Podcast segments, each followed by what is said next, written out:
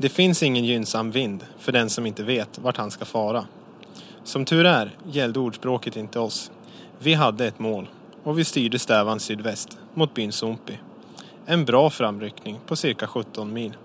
Det är lätt att tänka att 17 mil inte är någon distans och torde avklaras relativt fort. Så blev dock inte fallet. Vi hade planerat för att vår framryckning kunde ta mer än en dag. Den avklarades snabbare än så. Allt gick smidigt och enligt plan.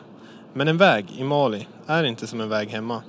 Framryckning är tidskrävande och hotet mot oss, det är på allvar.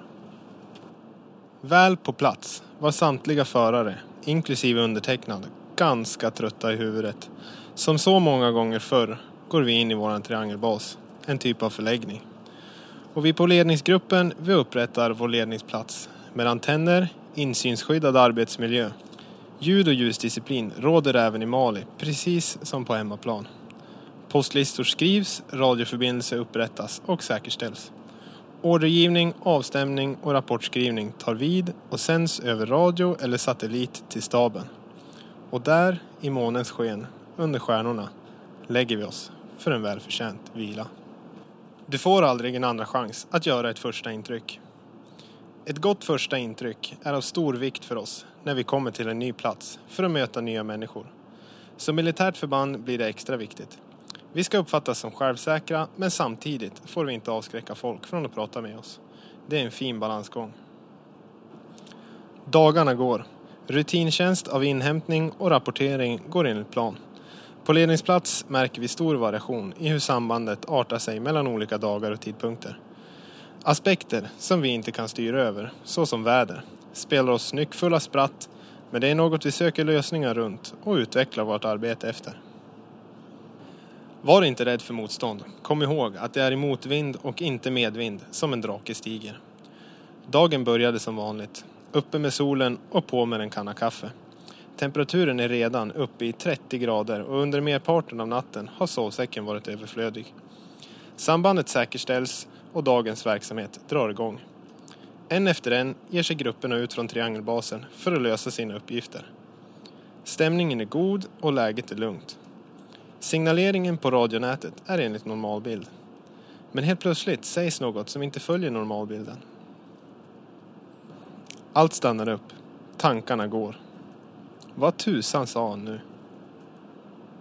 Sekunden efter kommer initialrapporten. Enheten rapporterar. Sammanstöt i idé. En av våra enheter har åkt på en vägbomb. Stunden som följer präglas minst sagt av tempo. Inget är stilla, allt rör på sig. Men inte i kaos och panik, utan strukturerat och ordnat. En sak i taget. Vi jobbar på högsta växeln för att kunna dra iväg och hjälpa våra kamrater. När jag packar ihop en av våra radioladdare hinner jag tänka de inblandades namn och att det är mina vänner det gäller. I somras satt vi och grillade och drack öl. Nu är det här. Ännu har det inte kommit någon rapport om att alla är oskadda. Men snart efter uppfattar jag att så är fallet. Inga skadade. Efter bara minuter är vi marschfärdiga, något som vanligtvis tar tre gånger så lång tid när vi är fullt grupperade. En kort stund senare är vi på plats vid skadeplatsen. Vi ser det utslagna fordonet och även det andra fordonet i gruppen en bit bort med eldställning över ett fält. Och från fordonet i eldställning kan jag se mina vänner komma mot oss. Känslan av att se alla på benen, gående mot oss. Vilken lättnad. Och för dem, jag kan nog inte föreställa mig deras lättnad som de måste ha känt när de såg oss komma. Det var ett omskakat men glatt gäng. Glada var vi alla. Det var ett sant, kärt återseende. För oss var det här inget nederlag. Det var en påminnelse om varför vi är här och vad det är vi gör.